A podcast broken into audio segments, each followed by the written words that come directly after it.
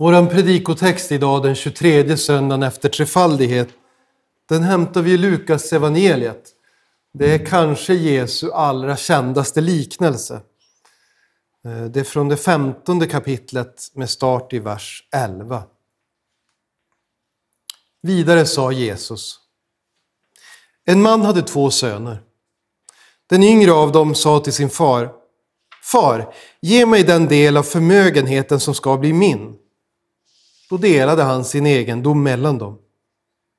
Några dagar senare packade den yngre sonen ihop allt sitt och reste långt bort till ett främmande land. Där levde han hämningslöst och slösade bort sin förmögenhet. När han hade gjort slut på allt drabbades det landet av en svår svält och han började lida nöd. Då gick han bort och tog tjänst hos en av landets medborgare som skickade ut honom på sina ägor för att vakta svin. Han hade gärna velat äta sig mätt på fröskidorna som svinen åt, men ingen gav honom något.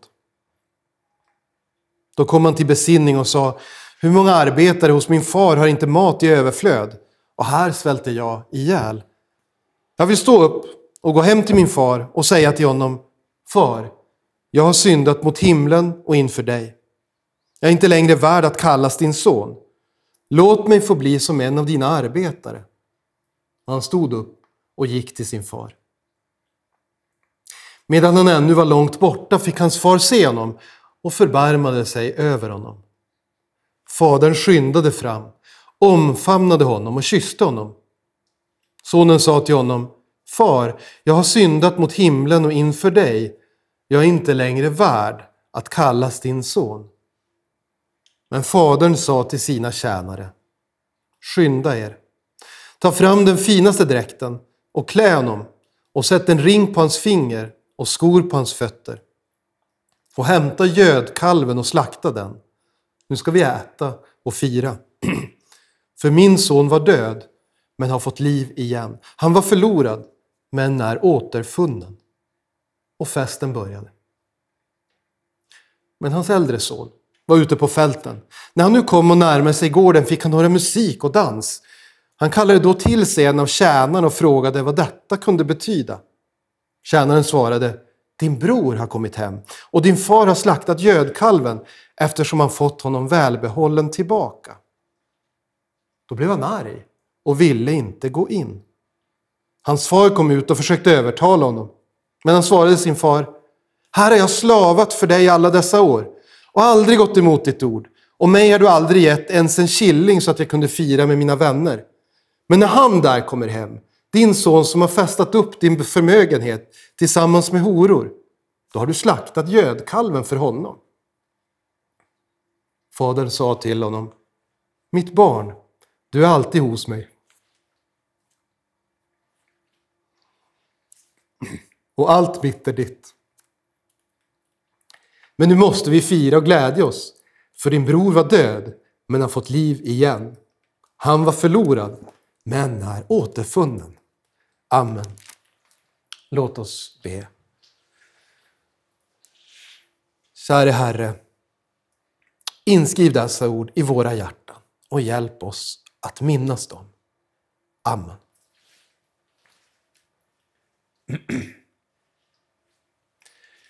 Idag är det fars dag.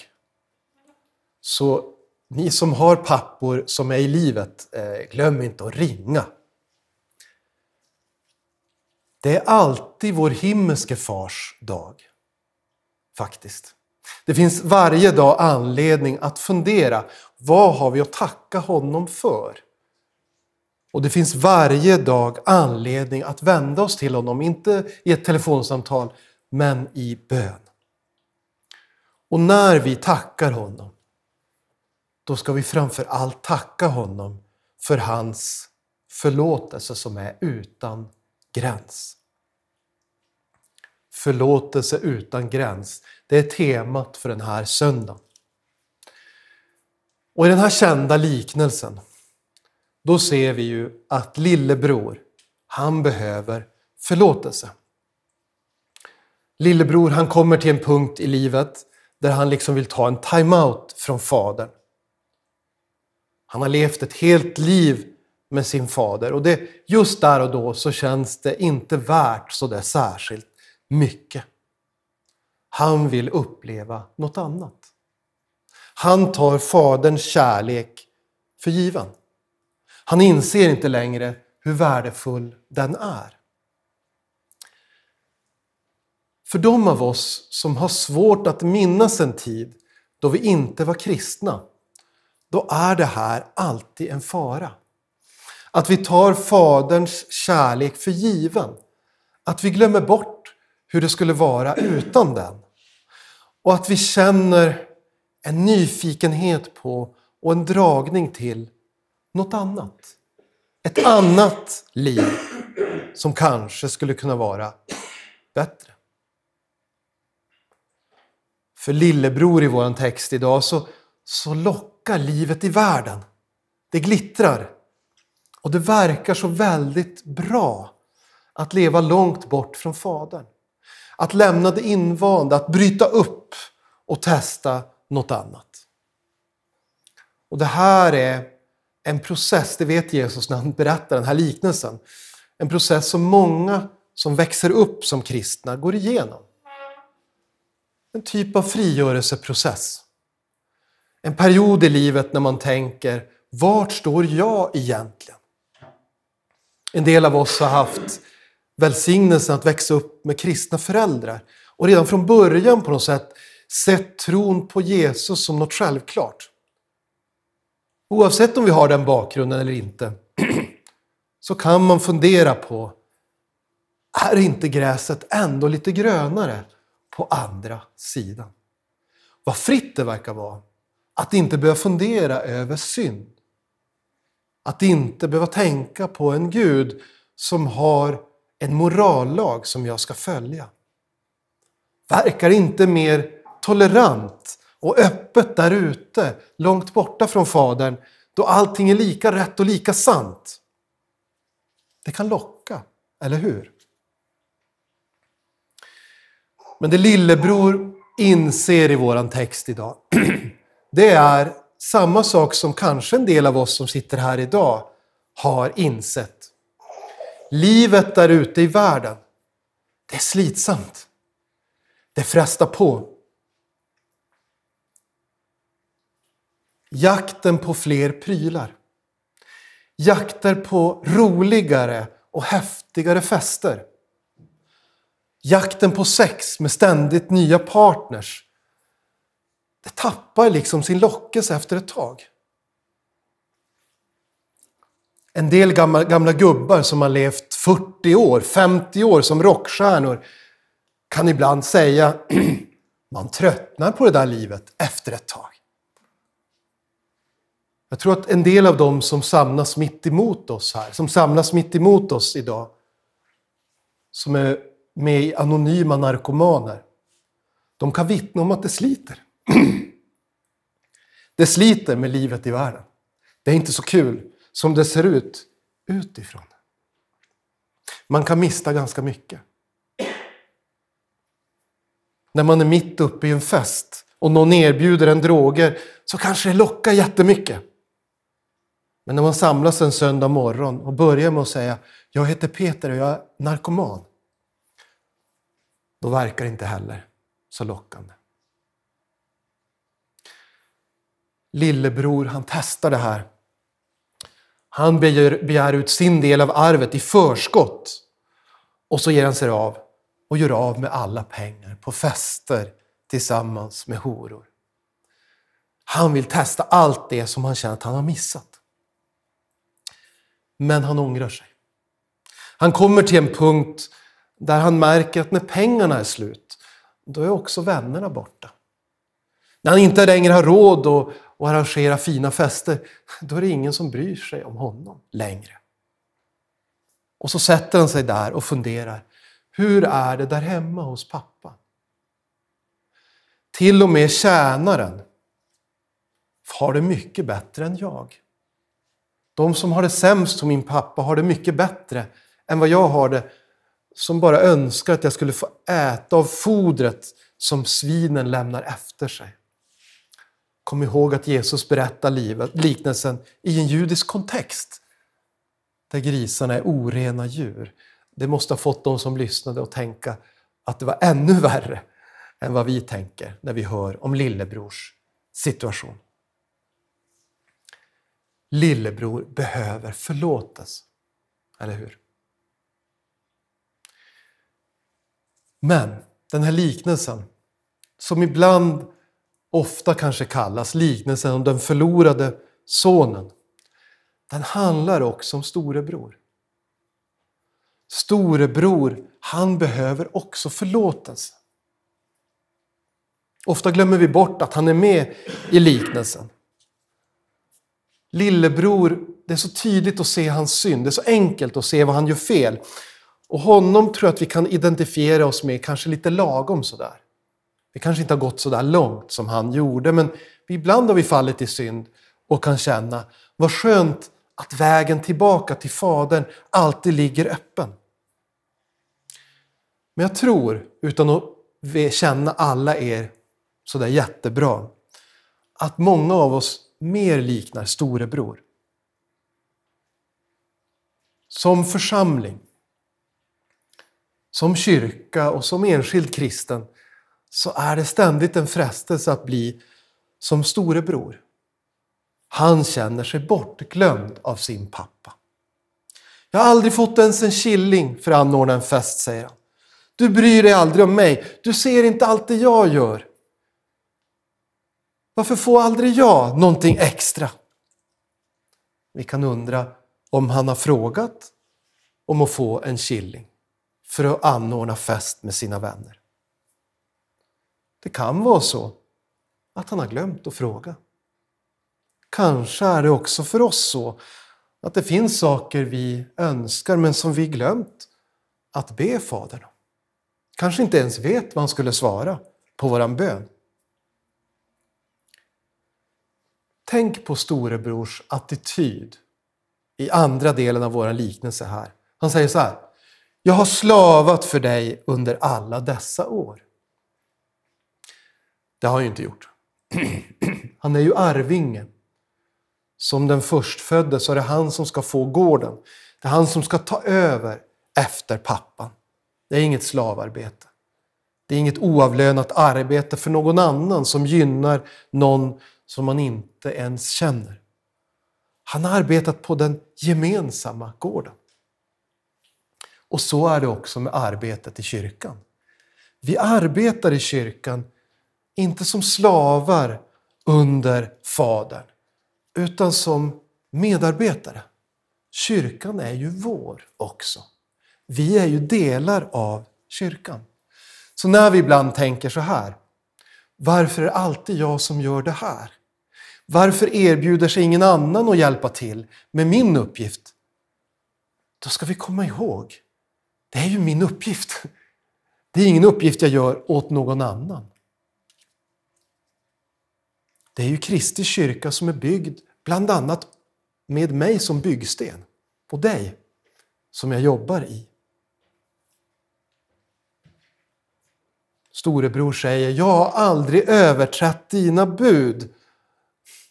Och där ser vi vilken dålig självinsikt han har. För just när han säger det så gör han ju det, eller hur? Just när han säger jag är utan synd så syndar han ju så grovt. Han visar sin otacksamma attityd. Han visar hur lite han uppskattar att få jobba sida vid sida vid Fadern. Han visar hur lite han uppskattar den kärlek han har fått varje dag. Som kristna så kan det vara en frestelse att snegla på våran bänkgranne i kyrkan.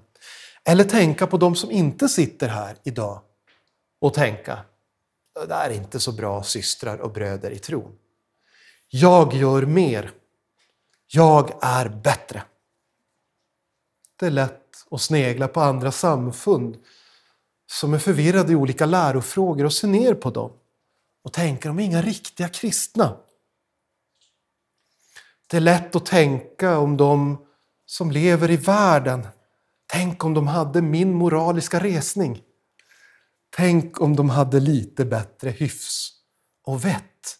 Det är lätt för oss att bli som storebror. Och då är det trösterikt, hörni, att se hur fadern hanterar storebror. Han förlåter honom. Den här liknelsen den ger oss anledning att söka tröst i lillebrors exempel, för den visar på att det aldrig är för sent. Kanske känner vi någon som vandrar så där långt bort ifrån Gud som lillebror gör i liknelsen. Som har avsagt sig bekantskapen med Gud. Som säger att hon eller han inte vill veta av Fadern. För någon där det aldrig är fars dag. Och kanske är det så att vi kommer att gå igenom stunder i våra liv där vi känner oss så långt borta ifrån Fadern. Att vi behöver söka tröst i lillebrors exempel och påminna oss själva. Det är inte för sent. Den som har det sämst i Faderns rike har det jättebra. Och jag är alltid välkommen tillbaka. Och om jag vänder tillbaka, vad får jag för mottagande? Blir det det där som man som förälder kanske bjuder på när barnen är sena hem, när de inte har hållit tiden man kom överens om. Varför är du så sen? Varför kommer du inte i tid? Och är arg på dem. Det blir inte så, utan det blir så här.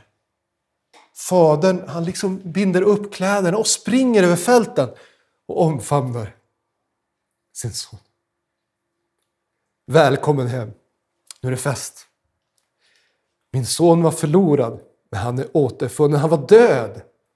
Tänkte ni på det i liknelsen? Han var död, men han lever igen.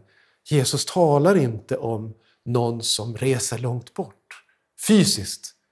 Han talar om någon som tappar tron och ser ut att gå förlorad. Han var död, men han är återfunnen. Han har liv igen. Och så får vi söka tröst i storebrors exempel. När vi överskattar vår egen helgelse. När vi har lätt för att se kornet i vår systers eller broders öga men glömmer bjälken i vårt eget öga. När vi hittar fel hos andra men har svårt att se våra egna brister och inser det, inser vår attityd, då får vi söka tröst i storebrors exempel. Gud har tålamod även med mig. Även med den som till det yttre verkar vara kanske en god kristen. Som till det yttre verkar leva nära Fadern. Och inte syndar så där jättesynligt, men vet att jag är en syndare. Även med mig har Fadern tålamod. Stå inte här ute och sura, säger han till dig och mig. Kom in och gläds åt alla syndare som har blivit omvända.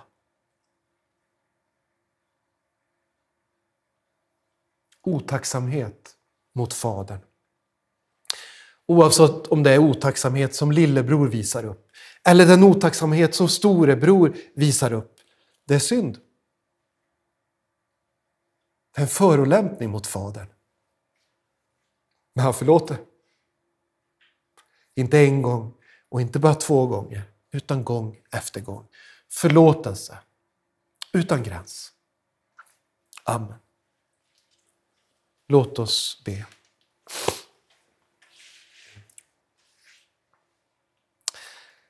Käre himmelske Fader.